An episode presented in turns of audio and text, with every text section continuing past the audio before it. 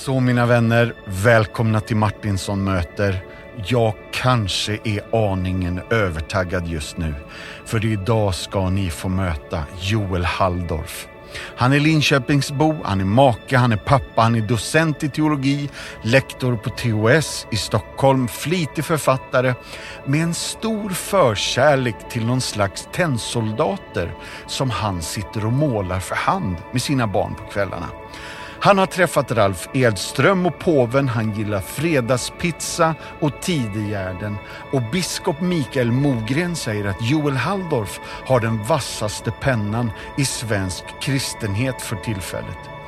Här får ni inte bara höra honom sitta och skriva, utan nu pratar han också. Åh, vad kul det här ska bli. Gött att ni är med. Nu kör vi mina damer och herrar. Välkommen Joel Halldorf.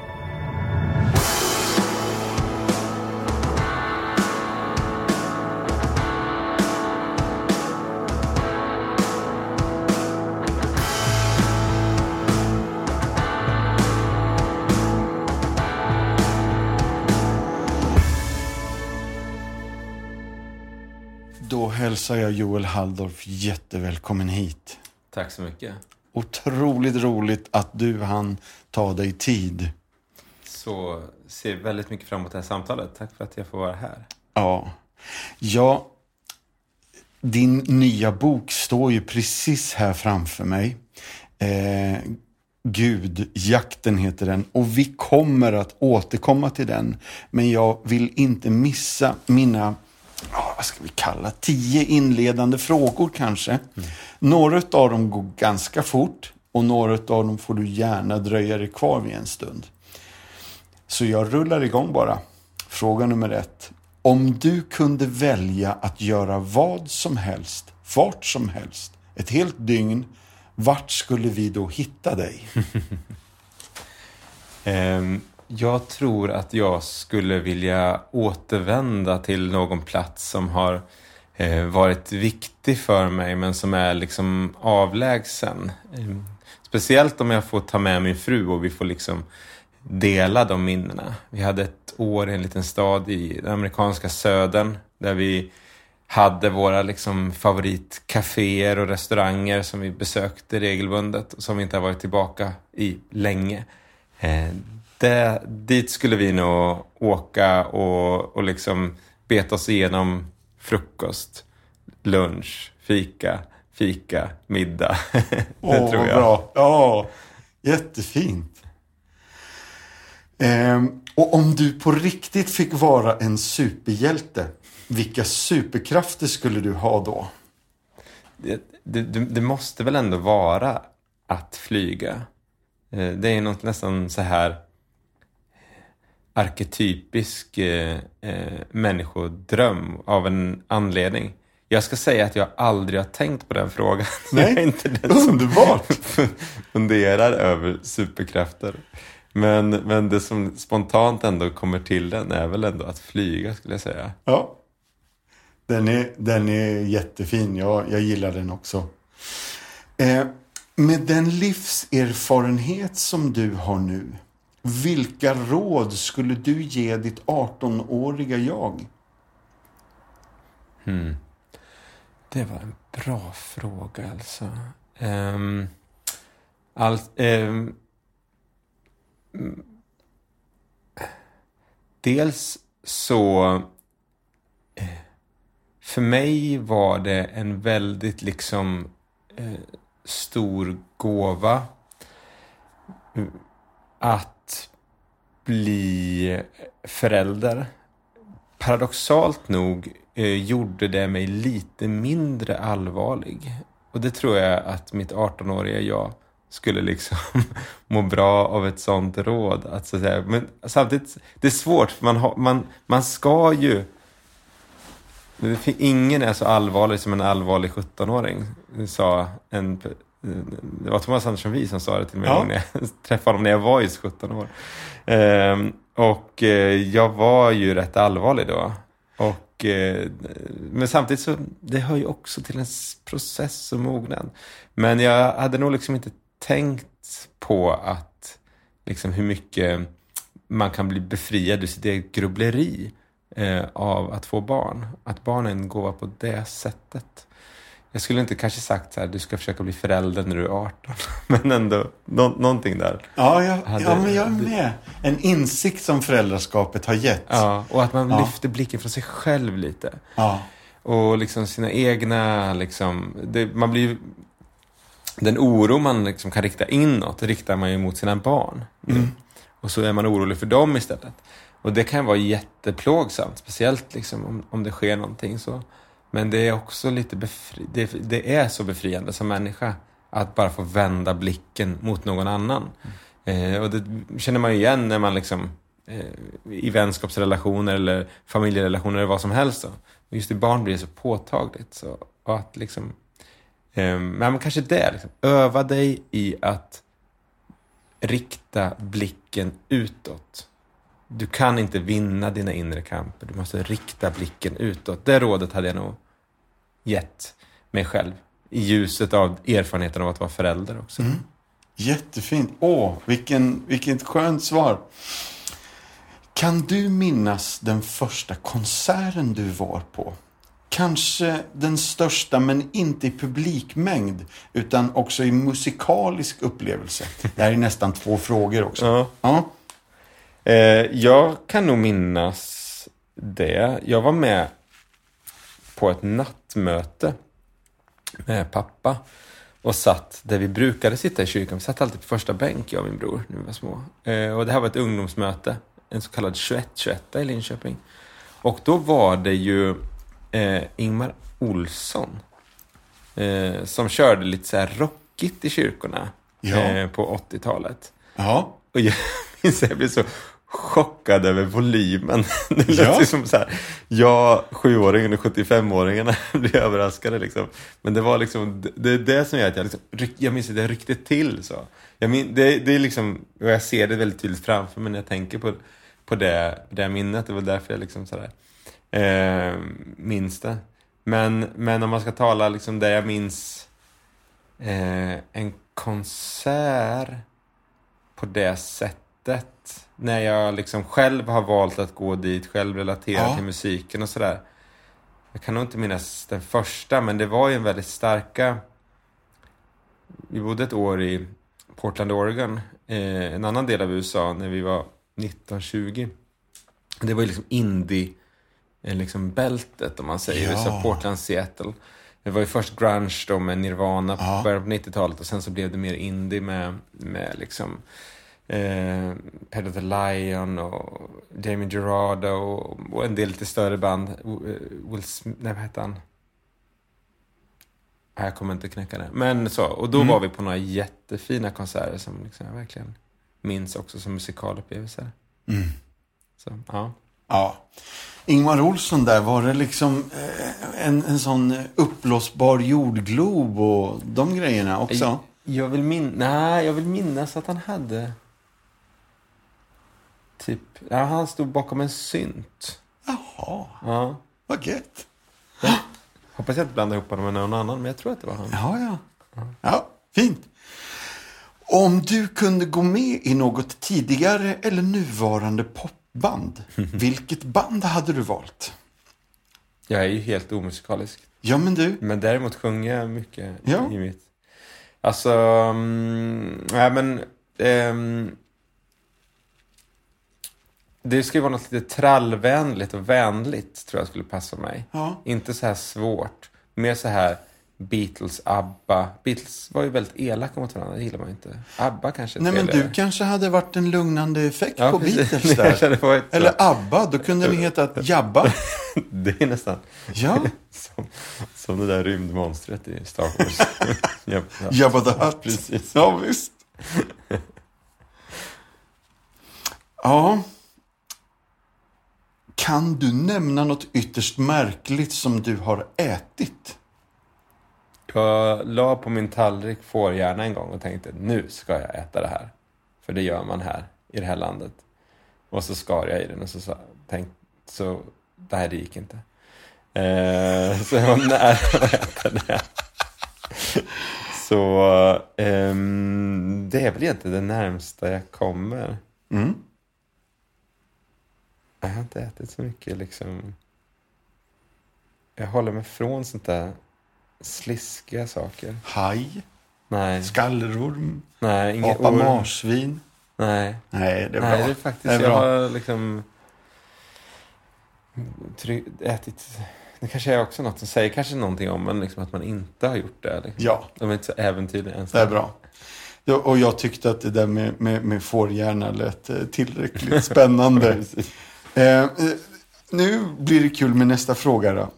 En eh, karaoke-natt Mm. med idel trygga vänner. Vilket blir ditt sångval? Oj. Nej men åh, det finns, jag, jag älskar karaoke. Ja! Eh, och eh, jag, jag, det, blir, det är svårt att få mig ner ifrån scenen när jag är med, om jag är med trygga vänner. I, jag sjunger ju liksom så här hellre än bra eh, och så. Ehm, jag skulle, alltså min röst funkar till Johnny Cash, eh, Ring of Fire till exempel. Ja! Eh, så, så den kan jag ta eh, bra. Nu när vi körde i somras så här, bara liksom vänner med gitarr. Då var det väldigt kul att få sjunga tillsammans eh, eh, Gaga och Bradley Cooper. Eh, Jaha. eh, vad, vad Crash to the Surface? Ja. Vad, vad är den heter den låten? Vad är titeln på den? In, heter den inte... Inte yellow. Shallow, Shallow, shallow, shallow. Jag höll på att säga yellow. Ja, precis. Mm. Eh, den, den tycker jag är jätte... Jag, jag älskar den låten. Jag tycker den är så här, popmusik. Eh, när det är som bäst är ju det här att så här, lite existentiellt. Det, är Ja. inte, det, är inte, det behöver inte vara bråddjupt och jätte så här, Kafka-svårt.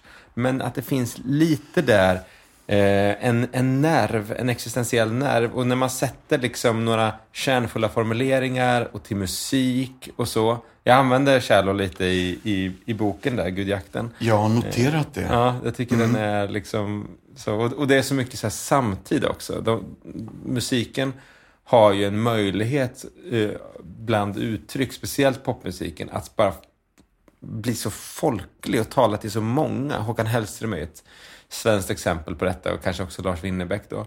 Men, men, men det finns också mycket annan så popmusik som verkligen hittar en nerv. Och man ska, ibland så tycker jag att man Ah, jag vet inte, man, man underskattar och man skiljer inte riktigt på, på liksom så här hjärta smärta låtar som kanske är banala och, och de här som faktiskt riktigt får till det. Ja. Eh, Suede kunde ju också göra det ibland och så. Ja, Jätte, jättehärligt svar. Och, och det här är faktiskt en av frågorna som kommer senare angående boken. För jag har noterat de här grejerna. Ja. Ehm, och det, jag är helt överens med dig om djupet och vikten av att lyssna på de här samtida frågorna. Ehm, för det, det här är ju ett, ett rop som kyrkan skulle kunna gensvara på. Verkligen, Ja. verkligen så. Ja, du, nu är det fråga nummer åtta. Vi är snart klara med den här. Om du skulle få dela en lång trerättersmiddag med fyra individer, nu levande eller sedan länge döda, vilka fyra skulle du då välja? Såklart skulle man ju vilja möta Jesus. Ehm, jag har ju några liksom historiska, men man skulle kanske vilja få till ett... eh, man kanske ska tänka så. Och så ska jag kan ju säga så här, Augustinus, Thomas Aquino, personer som jag beundrar, Ja, Aristoteles. Men kanske kan man också tänka så då, att man har med sig Jesus och så har man två andra som man tänker, de här skulle behöva möta Jesus. Christer Sturmark. Christer Sturmark. Det känns ju väldigt klockrent. Och sen så typ så här. Eh, jag tror att eh, här, jag lyssnar mycket på Sigge Eklund och tycker om hans liksom. Ja. tag- Det hade varit en intressant konstellation där. Eh, jag tror att det hade kunnat bli ett väldigt eh, dynamiskt eh, och levande samtal. Ja. Så det blir jag, Sturmark, Sigge och Jesus. Ja, det hade varit fint. Ja, men bara en skön känsla framåt småtimmarna när någon säger kaffe till slut och Jesus säger nej, det är det inte alls. Titta igen. ja, visst. Ja, ja, men hur många är vi uppe i nu? Eh, eh, Ja, men det var... alltså, Jesus i alla fall. Ja. Ja. Ja, jag ska ta en, en fjärde. ja, ja, ja. Ja, just det. Då, då behöver vi ha någon... någon ehm, någon tjej där, för annars blir det lite för gubbigt. Alltså en person som jag fascineras mycket över när jag läser, det är ju den eh, holländska judinnan Etty Hillesum.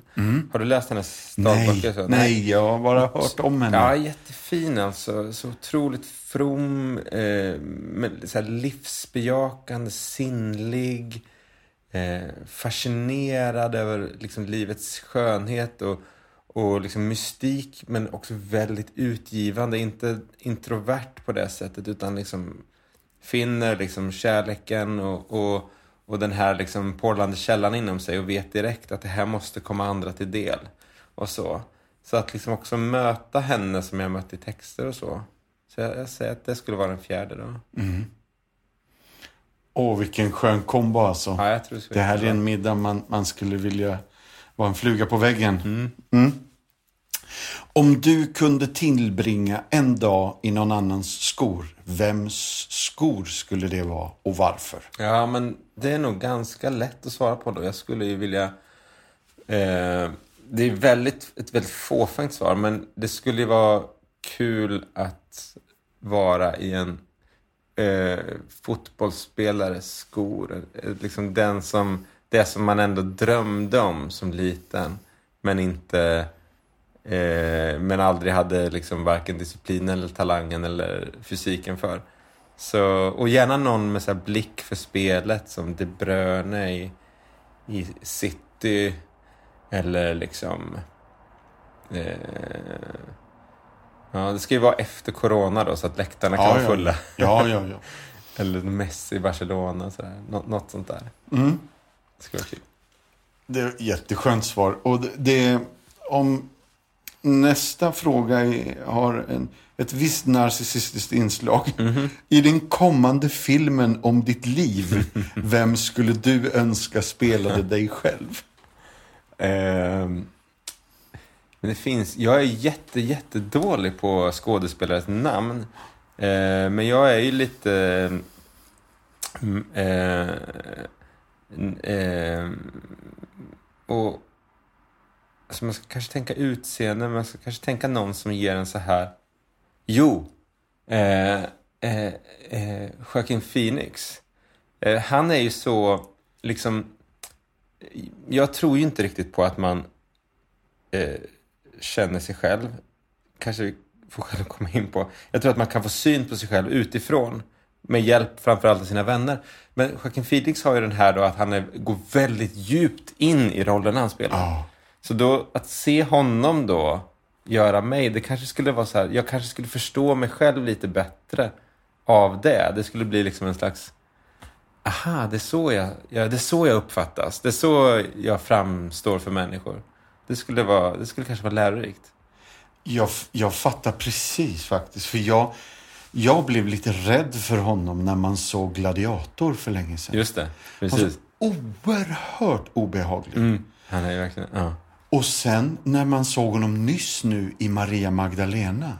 Den har inte jag sett. Har du inte? Nej, jag måste göra det. Jag, Och grattis! Åh, vad du har något roligt framför dig. ja. Eh, för där tycker jag att han gör en sån lysande gestaltning. Ja. Nej, han är ofta väldigt bra alltså. Ja. Eh, och- det är just att man blir så fångad av, han kan nästan bära hela filmer genom Ja. sina rolltolkningar. Ja, jag är helt enig med dig. Åh, Vilket eh, skönt val. Du, 23 maj Mm. 1980. Yes. Vad hände då? Ja, då föddes jag. Och var föddes du? Föddes eh, ganska nära där vi sitter. Jag föddes i, i Linköping inne på eh, universitetssjukhuset där. Ja. Och är mamma sjuksköterska? Nej, hon är... Ja, jag kan aldrig få den här terminologin rätt. Hon är terapeut. Ja. Hon är så här utbildad, jag tror inte, psy- psyko, inte psykolog då, men det, de har massa olika. Jag ska inte klaga, för det är likadant i den akademiska världen, att vi säger nej, jag är inte det, jag är docent, inte lektor, inte bla bla. Men det, det är samma där. Men hon, hon samtalar med folk eh, och är utbildad för att göra det. Japp. Ja, Och var är du i barnaskaran? Finns det fler? gissa. Åh nej men du, det här ska ju jag veta men jag tror det finns en bror till Ja, det finns, det finns fler, men gissa var jag är i skaran. Nej, jag vågar inte. Jag är äldst. Är du det? Ja. Okej. Ordning och reda. I alla fall bra på att liksom projicera, som att man har en koll på Ja, läget. Liksom. ja. Ja. Eh, och då bodde ni i Linköping? Precis, vi bodde i en, liksom förort till Linköping som heter Skäggetorp. Ett så här, där växte jag upp mina första sex, sju år i Ja. här trappuppgång och man springer ut på gården och leker med kompisar och man springer till varandra i trappuppgången. Och så där. Det var Ja. mysigt. Och mamma Kristina och pappa Peter. Ja, precis. Ehm, och pappa jobbade i Sion, Ja, han var ju, Linköping ja, precis. Han var ju ungdomspastor då. Farfar var ju föreståndare. Och- ja, förstås. och- Samuel. Precis, Samuel. Och eh, pappa kom då efter några år. Farfar var lite så här, kommer det här funka verkligen eh, att ha sin son? Men, men äldst var, ja, men det här, vi är så många, vi kan lösa detta. Så de, var, de jobbade tillsammans i tio år nästan. Ja, Eller drygt tio år, för han slutade 90. Så, så han var pastor. Eh, men sen slutade han som pastor 90, alltså som församlingspastor. Han har ju varit liksom pastor och predikant då, sen dess. Så då var jag inte, då var liksom min pappa inte längre pastor i församlingen jag gick till. just det. Så jag är både liksom pastorsbarn och inte, om man säger. Nej. Eh, liksom jag är liksom predikantbarn och vi har inte flyttat som många pastorsfamiljer gör. Jag har bott i Linköping hela tiden. Det är så. va? Mm. Eh, Jag har flyttat som student så, men, men, men familjen har varit här hela tiden. Ja. Gymnasiet sen då, var det också i Linköping? Mm. Folkungaskolan här i stan. Ja. Eh, eh, det var en fin skola. Fin tid. Eh, man blir lite liksom vuxnare. Jag minns att jag märkte det att liksom studenterna det var inte så bråkigt och stökigt och sådär som högstadiet kunde vara. Nej. Men, utan det var liksom lite mer, lite mer vuxet. Vad gick du för linje? Jag gick samhällsvetenskaplig linje. Ja. Jag borde ha gått humanist, men gjorde jag inte. Jag Nej. gick samsam. Mm. Mycket historia och samhällsvetenskap och sådana saker. Ja. Mm. Eh, blev det Uppsala sen? ja, jag började läsa i Lu- eh, Först läste jag två år i Linköping. Först bodde vi i USA ett år, sen läste jag två år i Linköping. Sen så flyttade jag till Lund. Jag läste, min, läste färdigt min teologutbildning i Lund. Mm. Så där bodde vi i tre år. Och sen så flyttade jag till Uppsala och gjorde mina doktorandstudier där. Mm. Och sen kom tillbaka hit. Och det här med Duke. Mm. När, är det den här korta passusen? Ja, eller? vi hade först den här Portlandpassen jag nämnde. Det var när vi var 20. Ja. Det var då vi gick massor på konserter och grejer. Mm. Eh, och Duke, det var då vi gick på kaféer och restauranger. det var inte så mycket musik sen där heller. Eh, så det, och det var Obama-året, 2008. Så vi kom dit eh, i augusti och liksom mitt under valkampanjen och bara var en del av det. Vi åkte på ett sånt här stort politiskt rally också. Eh, de annonseras ju ofta bara någon dag innan för de anpassar ju det utifrån var behöver vi vara nu eh, för att delstaterna står och väger och sådär. Var behöver vi sätta in en stöt? Så, så då bara såg vi i tidningen eller så att oh, nej, Obama ska vara nere i Raleigh som en stad hette två och en halv, tre timmar bort. Så satte vi oss i bilen och bara åkte. Eh, och det var jättehärligt att liksom se och vara med och prata med folk och se honom tala och sådär. Ja, jättemäktigt. Ja, det var, det var faktiskt grej. starkt. Speciellt i södern med all rasism och allting. Det Ja. var otroligt mäktigt. ja, det förstår jag verkligen. 2008, ja. Mm. Du, eh, 2004, Mm. var det då det var bröllop? 2003 faktiskt. 2003. Ja. Ja. Jag har bara sett en fantastiskt bröllopsfoto i lite blåton Mm. med en kritstrecksrandig eh, eh, kostym. Och Jag hade en manchesterkostym. var det så Ja, det var? den ah, kritisrandiga, undrar om jag har den... Eh, undrar om det, jag har den någon gång, undrar om den är... Ja, men, men jag, det var ju väldigt retro. 2003 var det väldigt retro 70. Så Ja. jag hade så här stora polisonger. Väldigt poppig, väldigt Beatles liksom ja, det, frilla. det är en väldigt, väldigt lång popstar-lugg. Eh, eh, och jätteflörtar under den där. Ja. Underbart. Ja, det var faktiskt, det var faktiskt eh, Eh, det är faktiskt kul att se. Det är kul att titta på sitt bröllopskort och se så här, det känns som en annan tid. Man känner sig så här, eh, man känner att man har livserfarenhet. ja, Även... Jättegött. Mm. Du, eh, under rubriken Jag mötte Lassie mm. så kan det vara så att Ralf Edström har liksom ja. klappat dig i håret? Hur vet du det? Ingen aning. Ja, okay. Nej. ja men det gjorde Jag samlade mycket autografer när jag var 12, 11, 12, 13 år och sådär. Jag hittade dem häromdagen faktiskt. Bland annat den autografen från Ralf Edström. Och vi gick mycket på handboll. Jag har hela det här, du minns det här Bengan Boys. Ja. De, liksom, vi gick på elitseriematcherna varje match. Hemmamatch fanns ett lag som hette IF Saab här i stan. Ja. Så där satt vi och så sprang vi alltid in och tog autografer och så här. Men sen så någon gång så var det en, en så här eh, match med så här, fotbollsveteraner. Det var väl 94, eller 74-laget då. Ja. Eh, och då var Ralf Edström där och då sprang man fram och tog autografer och då rufsade han mig i håret. Ja, vad gött. Hur, du visste det vet jag faktiskt nej, inte. Nej, det tänker jag inte avslöja Nej, tycker jag inte ska göra heller. Men du, eh, du, har ju, du har ju träffat fler kändisar. Mm. Jag har noterat på Facebook, tror jag, att något, eh, ett återkommande foto på dig och påven. Just det. En, en utomhus eh, fotosession. Ja, det var en, eh, en sån här audiens 97 eh, som var, jag var 17 år. Det var en viktig resa för mig. Det var då jag mötte katolska kyrkan. Jag var, reste med pappa två veckor i, i Italien med en grupp från stiftelsen Berget, där Per Mases var ja, den, Då var vi i Assisi, var i Rom och vi var på lite kloster och sådär. Och möta både katolska kyrkan där nere men också deras fromhet, en så här, oh. liksom, svenskkyrklig mässa varje morgon och så.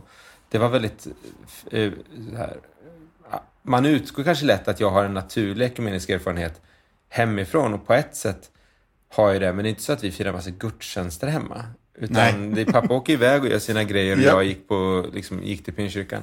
Men jag tror liksom, det är viktigt det där att få ekumeniska erfarenheter när man är lite yngre för att få en bred bild av vad kyrka är. Mm. Eh, och så. Och, och, för mig var ju det en stark sån erfarenhet. Jag var liksom gammal nog för att, för att ta till mig. Hade jag varit 13 hade jag tyckt det var ut, uttråkigt. Men nu tycker jag att det var rätt skönt. Jag minns att jag kom hem från den resan och åkte direkt till Nyhem. Det var sån kontrast liksom ja. mellan, mellan det här. Men det var också väldigt nyttigt. Åh, vad fint. Mm.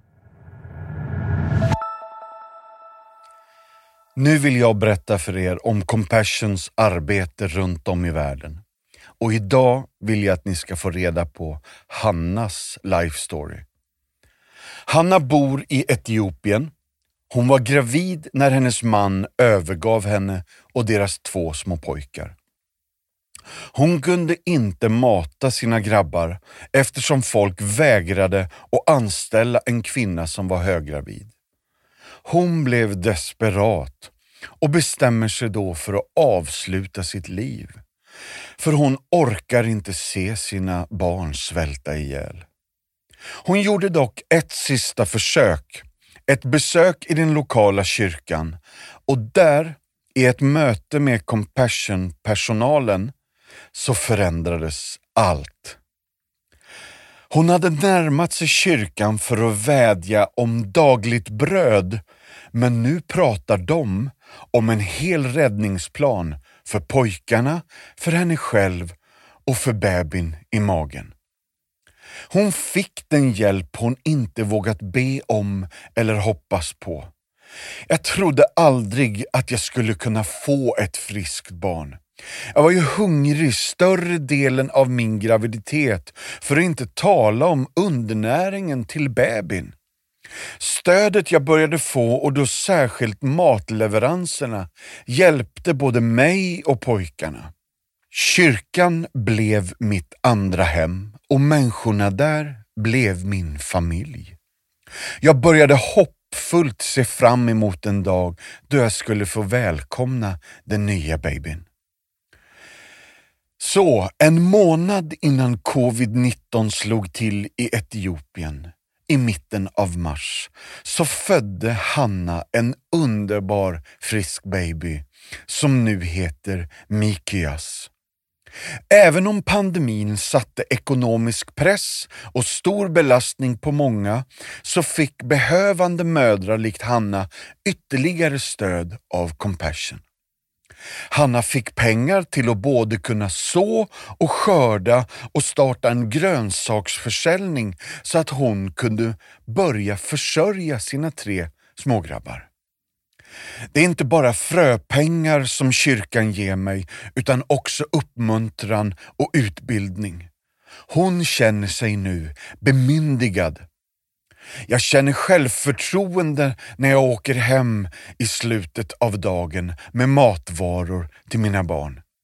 Mycket har förändrats i mitt liv sedan den dagen då jag gick in i kyrkan i ren desperation.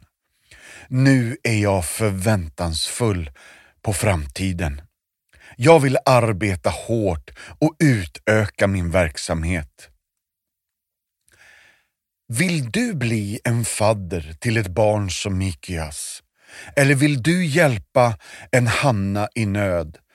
De finns i vårt compassion-arbete. Just nu är behovet av nya faddrar mycket stort. För 310 kronor i månaden så understödjer du ett fadderbarn holistiskt, vilket innebär att vi jobbar på fyra sätt.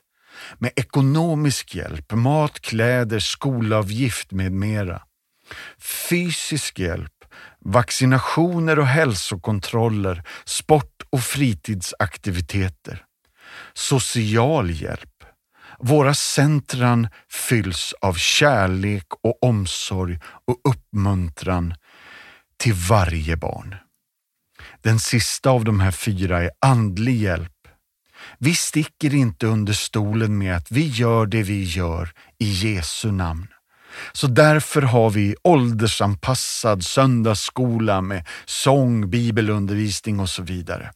Vill du bli en compassion-fadder gå in på vår hemsida compassion.se, signa upp dig idag och bli fadder till ett barn.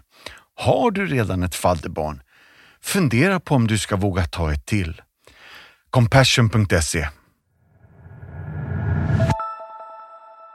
Du, jag tycker att det är dags för dig att plocka fram boken nu. Mm, vad roligt. Kan inte du bara börja, börja berätta? Eller kan jag kanske inleda med det här? Mm.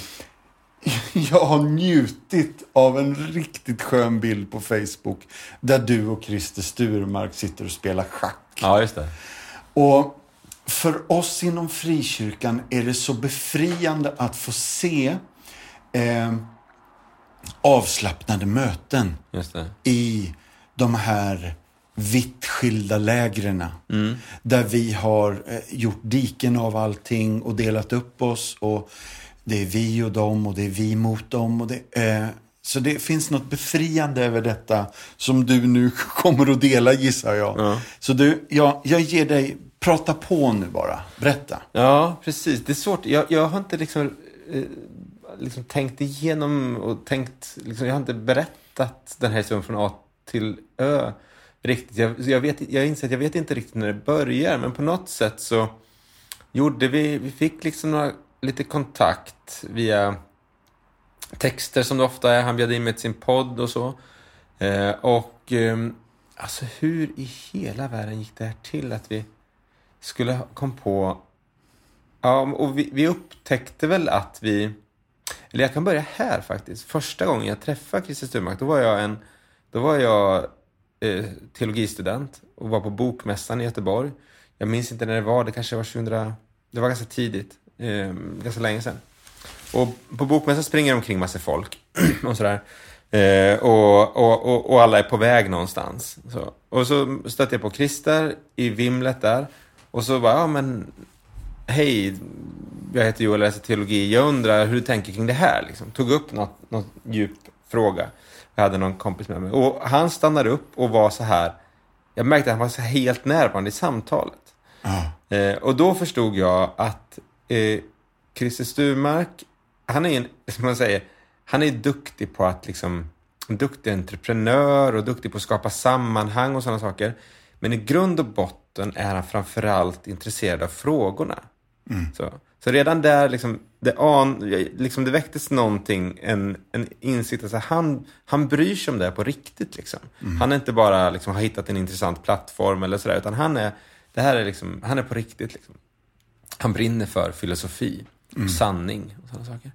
Eh, och sen så när vi återupptog kontakten då ett antal år senare, Eh, då så hade vi en del samtal och märkte att vi liksom kunde ha i god ton, att vi har en ganska likartad humor och att vi, ja men vi liksom, jag tror att vi gillar varandra som personer och så.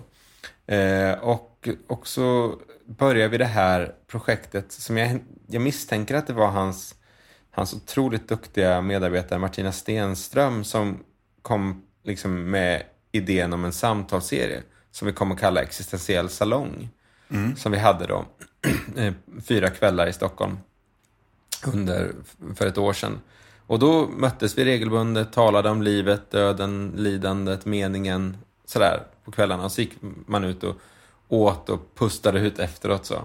Eh, och det var jättefint. Och under en av dem, eh, och då lär man känna varandra mer och mer. Och det är också när man, när man delar det här liksom utsatta som det är, att liksom, vi ska ha ett samtal på en estrad och det finns ett moment av, ja det finns mycket liksom, spänning. Då blir det en, en liksom, närhet där när man pustar ut liksom och känner den här, att man har gjort någonting gemensamt. Man förs samman av den här liksom, ritualen nästan. Eh, och där någonstans också i samtalet så, så kom frågan från dem så här. Skriver du på någonting? Eh, ja, jag funderar på den här boken. Någonting om andlig längtan i ett sekulärt samhälle, hur det ser ut och sådär. Ja, det låter jätteintressant, säger de då. Ja. Kan, vad, liksom, vad tror du om att ge ut den hos oss? Ja, jag har inte tänkt på det. det vore... Ja, jag kan skriva en sammanfattning hur jag tänker att boken ska se ut. Ja, men gör... Och så vidare. Och så, så gick det. Och då, det har varit ett jättekul resa där jag liksom förundrats över deras generositet och att de så mycket har uppmuntrat mig att liksom vara teolog och skriva teologiskt och sådär. Eh, och så. Så att jag har känt mig väldigt, väldigt fri då i den processen.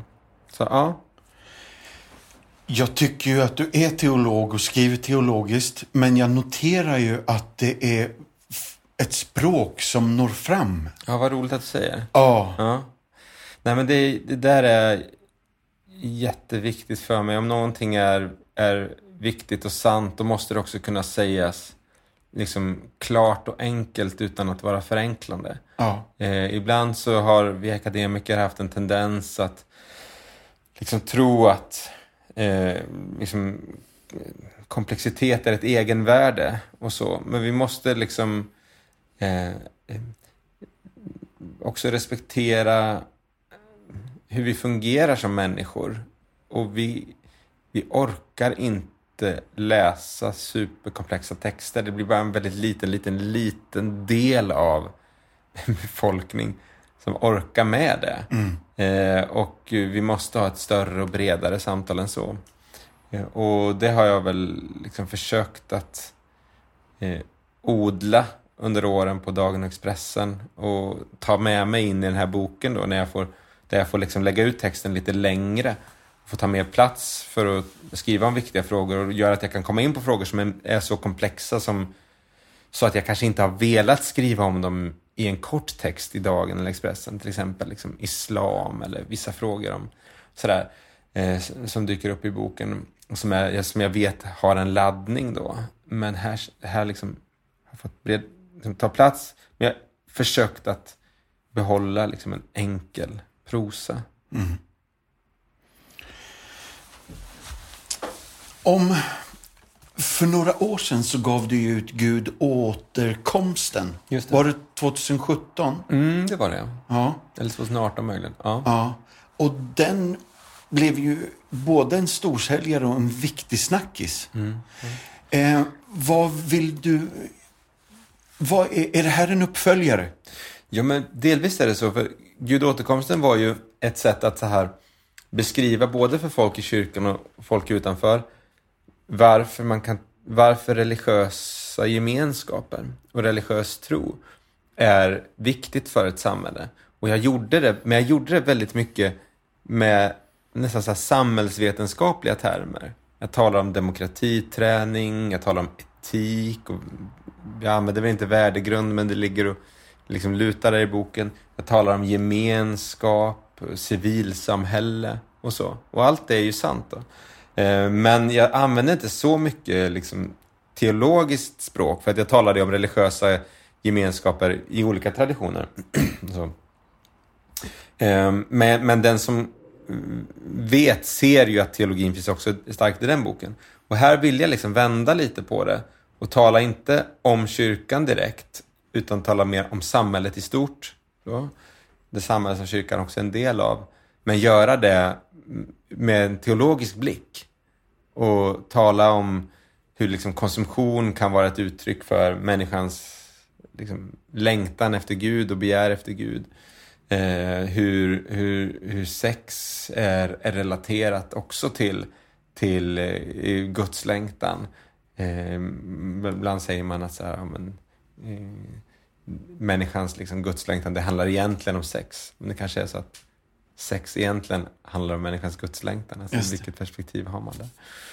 Och, så, och, och att att ta den och, och, att försöka föra in det här perspektivet. Både tror jag liksom i kyrkan, att vi behöver hela tiden jobba med att förstå vår samtid och förstå den tid vi lever i. Men också kanske att hjälpa människor som inte tillhör kyrkan och så att, att pröva att se på sig själva, se på, på det samhälle vi, vi alla lever i med den här blicken. Precis som jag har fått så mycket av att läsa marxistiska tänkare eller liberala filosofer eller judiska teologer och sådär. Så kanske någon kan få någonting av att läsa en kristen teologs reflektion om islam och digitalisering och, och, mm. och det som dyker upp i boken. Så. Mm. Det är ju jättehärligt. Den är utgiven på, eh, vad heter förlaget? Fri Tanke. Ja. Och eh, Christer Sturemark har tagit författarfotografiet på mm. dig. Och han har skrivit förordet. Ja, och lite skönt förord också. Ja, jättehärligt. Kan inte du bara beskriva eh, liksom ingångstanken med, med den? Med, eh, med, med själva boken ja, helhet. ja, med boken. Ja, ja, men det, var, det, det, det, det är ju ett, ett, att säga, om vi tittar på samhället, om vi tittar på det, vår, vår samtid med den här, så kan vi säga så här att det finns mycket som vi, vi, kan, för, vi kan förstå saker och ting liksom i skikt om man säger. Vi kan mm. förstå saker och ting politiskt, vi kan förstå dem ekonomiskt, vi kanske kan förstå dem kulturellt och så. Men jag vill försöka förstå dem existentiellt eller andligt till och. Yeah. Jag vill liksom komma till den nivån. Vi kan jobba igenom vissa politiska frågor också. Men jag vill försöka förstå olika trender då. Eh, ut, som andliga strömmar eller en uttryck för andlig längtan i vår tid. Så det var liksom ingångstanken, en slags kartläggning. så. Det som växte under arbetets gång, det var att jag också började mer och mer diskutera i, och sätta det i dialog med, med liksom kristen teologi, teologi och säga att ja, digitaliseringen, här finns en längtan efter liksom transcendens, efter kroppslöshet, efter att liksom bli oövervinnerlig, allseende, kunna vara överallt, till slut kunna ladda upp sin själ liksom, på, i molnet så man blir odödlig mm, mm. och så. Eh, här ser vi en, vi ser en andlighet här och den kommer också till uttryck i vad som sägs av en del liksom, IT-gurus och sådana saker. Och vad säger man som teolog? Vad säger kyrkan om detta? Hur rimmar det med vår syn på kroppen? Vår syn på gemenskap och så? Frågor som blev jätteaktuella för övrigt i samband med corona och att allt digitaliserades och sådär. Eh, så, så liksom, både den här kartläggningen men också den här liksom, diskussionen, att ta spjärn.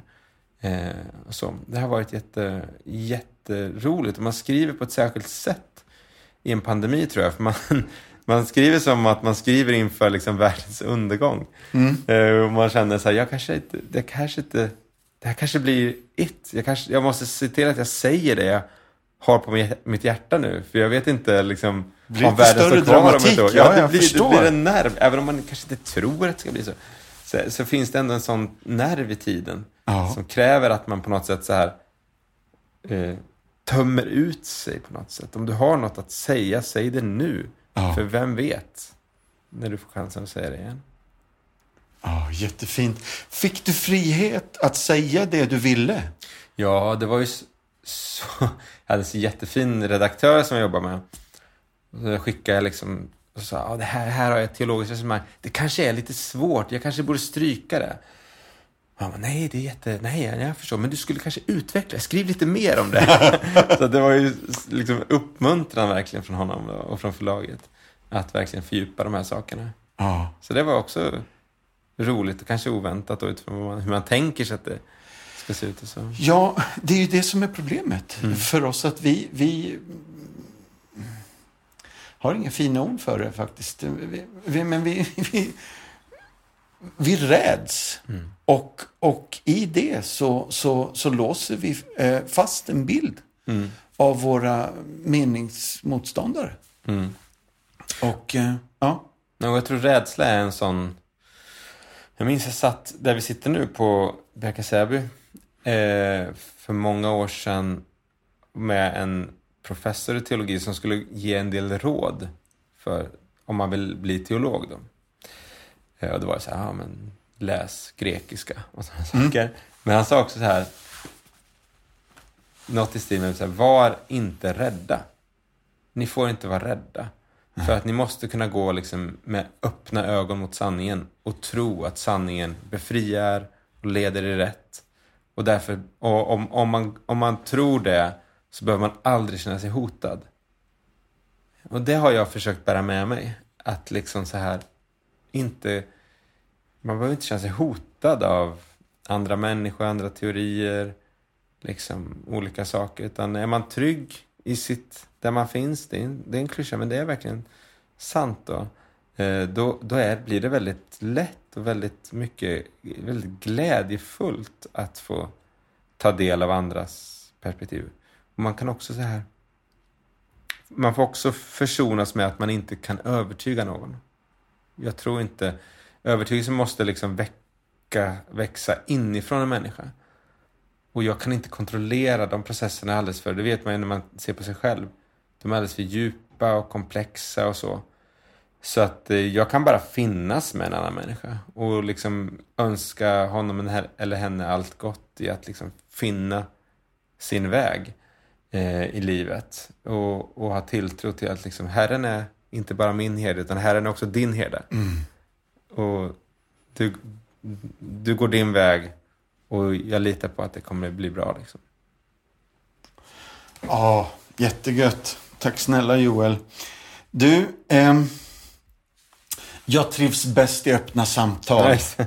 Ja, klockrent. Ja, roligt. Väldigt roligt. Alltså, det, det är inte många som lyckas irritera Ulf Lundell och Björn Ulvaeus på samma vecka. Nej, det var, det var väldigt surrealistiskt. Vi hade fått den här, det var Björn, Ulf Lundells bok kom ut då och så, och så sa min redaktör, ja ah, du är omnämnd här. Och jag var ju omnämnd i den förra och då var han liksom så här, lite irriterande men, men också kul liksom. Och nu var det mer så här, han är så irriterande den där Halldorf. Ja. Då så, eh, och så såg jag status, så var jag så här, ska, ska vi ska jag göra något av det här liksom? Så pratade vi lite och så, ja men jag kan skriva en text, jag kan skriva en lite kort text och, och, om det här. Mm, Så här vi, skri, vi hittade en form för det, ni skriver i brevform. Och så skickade jag in den. Det var fredag. Eh, arbetsveckan var slut. Och sen så kom, på den kvällen, så, så kom eh, Ulvaeus text. Man bara, men vad, liksom, som du säger, liksom, jag hade precis lämnat ifrån mig en text om Lundell. Ja. Och då, då kommer den här. Så det var så, och så, och så kom min, mitt svar då också inom, inom en vecka. Så det var väldigt märkligt med ABBA och Lundell samma vecka. Ja, vilka legender. Och, Ja. ja. så, så spännande och så vad ska jag säga, glädjande och trösterikt att, eh, att vi, vi som kyrka har sådana som dig som kan gå i svar och mål på det här. Ja, men fint att du säger. Ja. Nej, men jag, jag, jag, det, och det kan ju vara...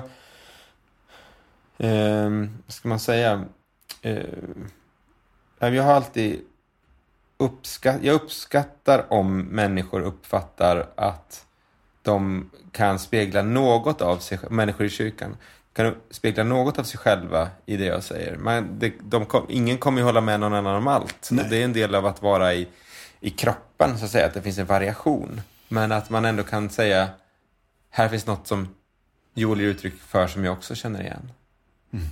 Mm. Um, Joel, vad är Babettes? Det är ju eh, min frus, eh, ett, ett café som hon är med och driver. Ja. Um, här, här, i, här i Linköping. Ja. Heter det Babettes kafferi? Kafferi, ja. Precis. Ibland blir det ju att man drar ihop det som skafferi. Ja. Babettes kafferi. Ja. Men Babettes kafferi är, är, är det. Och det är också taget från en film eller en bok av Karen Blixen. Känner du till den? Karen Blixen, Ja, vet jag. Det, Det är hon som, eh, hon, hon skrev ju uh, Mitt i Mitt Afrika. Afrika, ja, Precis. jajamän. Det finns också en film som heter Babettes gästabud. Som är Ja, en jättefin eh, just det. film. Det är också Påve Franciscus favoritfilm. Den är väldigt, eh, väldigt starkt liksom, budskap i, ja man ska nästan se det, men det handlar ju om vad, vad gästfrihet i form av liksom bordets gåvor kan göra för en gemenskap. Eh, och den andan ville väl de ta med in i, i, i, den visionen i sitt eh, skapande av den här platsen. Då. Just det. Åh, jättefint. Mm. Du, ehm, plattform 9 and 3 quarters. Heter det så? Vad är det? Ja, jag tror att det är en uh, tågstation. Ja! Just det. Nio, nio och tre kvarts. Förlåt, jag har inte läst så mycket på engelska. Nej! Precis. Ja, Harry Potter ja. Yes. Det var en första tidningskontrovers jag var inblandad i. Jag, jag läste, jag brukar ofta... Jag gillar liksom det folkliga som jag pratat lite om. Eh, Det här är en diskussion som jag har med en del vänner som båda också inom musik så här. Vi, eh, är Per Gessle bra eller inte? Och då så hävdar jag alltid att han är bra. Mm. Han är liksom en jätteduktig låtmakare. Och Anna säger det. Och, och det här liksom går igen lite om det som vi var inne på med popmusik och skrivande och sådär.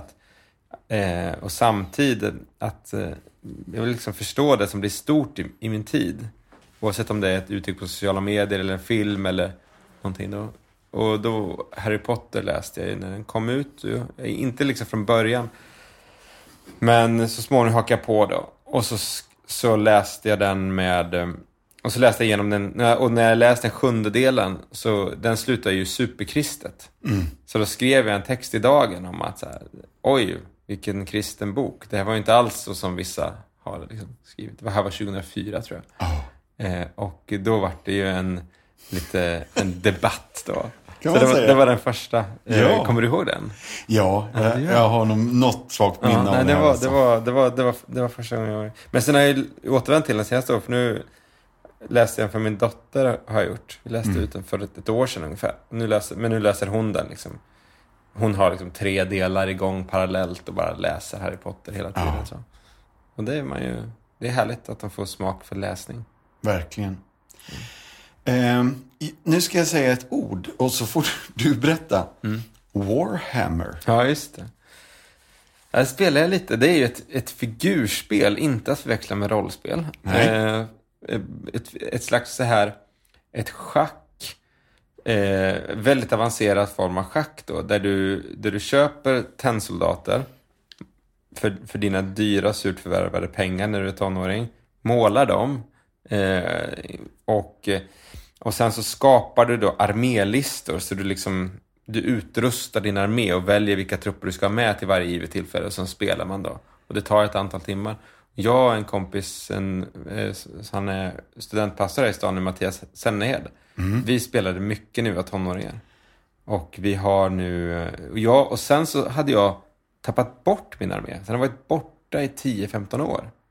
Eh, jättesorgligt. En av mitt, min, en stor sorg i mitt liv. och sen nu i somras när, vi, när det regnar och man städar garderober så hittar min fru den. Väskan den ligger. Ja. Så vi kunde spela. Och de låg skyddade i den här väskan ja, det också. verkligen så. Det var en specialköpt väska för detta. Med liksom, så det var, och när jag tog fram den, min son vart ju superimponerad. Ja. Jag har aldrig liksom kunnat imponera så mycket för honom. Och han bara, jag ska visa dig. Sen hans kompisar kom. Jag ska visa dig vad min pappa har. Du ska få se. Du ska få se. Så här, de här riddarna och kanoner och allt vad det är. Men det var jätte, jättekul. Jättekul att spela. Goda rutiner. Du är en vurmare för sådana grejer. Och två sådana i ditt liv har jag uppfattat det. Tidebön och fredagspizza. Mm. Jag är, mer, jag är mycket bättre på att hålla det här med fredagspizza än jag. Eh, men, men eh, fredagspizza är, ja, men det är någonting med rutiner och speciellt kanske när man, de här åren som är rätt intensiva med småbarnsår och man jobbar mycket och så vidare. Eh, och, och någonting blir för mig att liksom helgen ska följa en viss ordning. Och jag märker att det, det blir väldigt vilsamt. Jag reser sällan på helger. Eh, jag, jag har ju liksom så här, jag har ju också irriterat att jag alltid rakar mig på fredagar. Så idag är det fredag, du ser att jag är ganska orakad. Eh, det är också någonting att så här, veckan är slut och arbetet lämnar man bakom sig. Och, och så. Och sen så fredagspizzan som också bygger på att man är så trött på fredag. Så allt man vill göra är att se en tv-serie eller en film och äta. Mm. Och då är pizza är den bästa tv-maten. Tacos är ju, som många svenskar har, det är inte en bra tv-mat. Nej. Eh, utan pizza är det. Gött. Så det, det kör vi och det, det har vi gjort i, i tio och åtta, tio år sedan vi fick barn. Så, mm. Eh, är det någon, finns det någon amerikan som har lärt dig att steka ägg så att gulan fortfarande blir rinnig? Ja, visst är det det. Ja, jag tycker det är lite svårt. Men jag, jag hade en amerikansk, eller jag har en amerikansk vän som har jobbat på, på ett sånt här, en, en sån här diner, eh, liksom truck stop ja. diner. Han, oh, han stekte ju liksom, han var jättebra på att både steka ägg och kött och allt möjligt. Så han har lärt mig liksom hur man ska göra. Jag tycker, ja, jag, jag, är inte, jag, jag, jag, jag inte riktigt, tycker inte jag har tekniken som honom. Men han har ju andra sidan stekt tusentals. Så att jag kanske inte ska jämföra med honom. Mm. Men det är viktigt att den ska vara lite rinnig. Det är enorm skillnad om den är torr eller rinnig. Mm. Vi ska alldeles strax gå ner för landning, men vem har sagt följande? It's not weird, it's a miracle. Ja, var kommer det ifrån? It's not weird, it's a miracle. Jag sa det lite för seriöst nu också. Jag kanske skulle Nej, men jag vet, jag känner igen till det lite. Vem har sagt det? Det är jättebekant. Du får hjälpa mig. Det är en tv-serie. Ja, sån har jag ju sett många. Ja. Men jag har ju använt det där någon gång känner jag. Det, det har du. Det är därför jag drar upp det faktiskt. Mm. It's not weird, it's a miracle. Det kommer ifrån eh, en tv-serie som gick länge. 22 minuters avsnitt. Vänner? Jajamän. Jaha. Är det Joey som säger det? Ja, det är det. Ja, just det. Grymt. Grymt. Just det. Du, du har varit min gamla blogg, tror jag. Och hittat saker. Det måste ja. vara på den tiden jag använde det. Men jag har sett så mycket på vänner genom åren. Ja. Det är bara så här, det är go-to. Liksom, om man har sett så här, någonting som man tyckte var obehagligt eller otäckt. Ah, men låt oss se någonting som är lugnande. Vi ser ett avsnitt vänner liksom. Helt så. rätt. Jag fattar precis. Du, vi ska, vi ska avrunda. Men mm. eh, eh, jag skulle bara vilja ställa, och nu blir det, det här blir lite seriöst. På väggen i ditt arbetsrum så hänger det en ikon på högersidan tror jag. Mm. Eh, men på vänstersidan så hänger det ett litet eh, vykort. Mm. På vem? Ja, Emil Gustafsson tänker du på? Ja. Ja, precis. Sa jag fel på höger och vänster kanske? Det gjorde du faktiskt. Men det gjorde jag. Eh, ja. Det är... Eh, ja, men han hänger där. Jag gjorde min avhandling om Emil Gustafsson. Han var ju predikant på 1800-talet i Helgelserörelsen eh, Helgelseförbundet och Torp. Mm. Och du har sjungit in hans sånger. Jag har det. Ja, fin man alltså. Verkligen. Han skulle man ju vilja träffa också. Mm. Eh, på tal om det. Så, nej men det, det liksom, jag pratade med någon om det här om dagen att sin avhandling bär man alltid med sig och det betyder att i mitt fall att jag bär liksom Emil Gustafsson med mig. Han, man är ju så otroligt djupt inne i hans texter eh, och hans liv då under de här åren. Så jag har inte skrivit någonting om, om honom på ganska länge nu men, men levde ju liksom, ja du vet. Ett stilla barn i hjärtat. Ja, precis. Men också hans privata brev, dagböcker, almanackor. Mm. Också noteringar som var djupt, djupt privata som jag inte, som var för privata för att jag skulle ta in i, ah. i avhandlingen då. Eh, av respekt för honom. Så, eh, så att eh, det, det var väldigt, eh, ja man kommer väldigt nära en historisk person. Det är en av glädjeämnena med att vara historiker.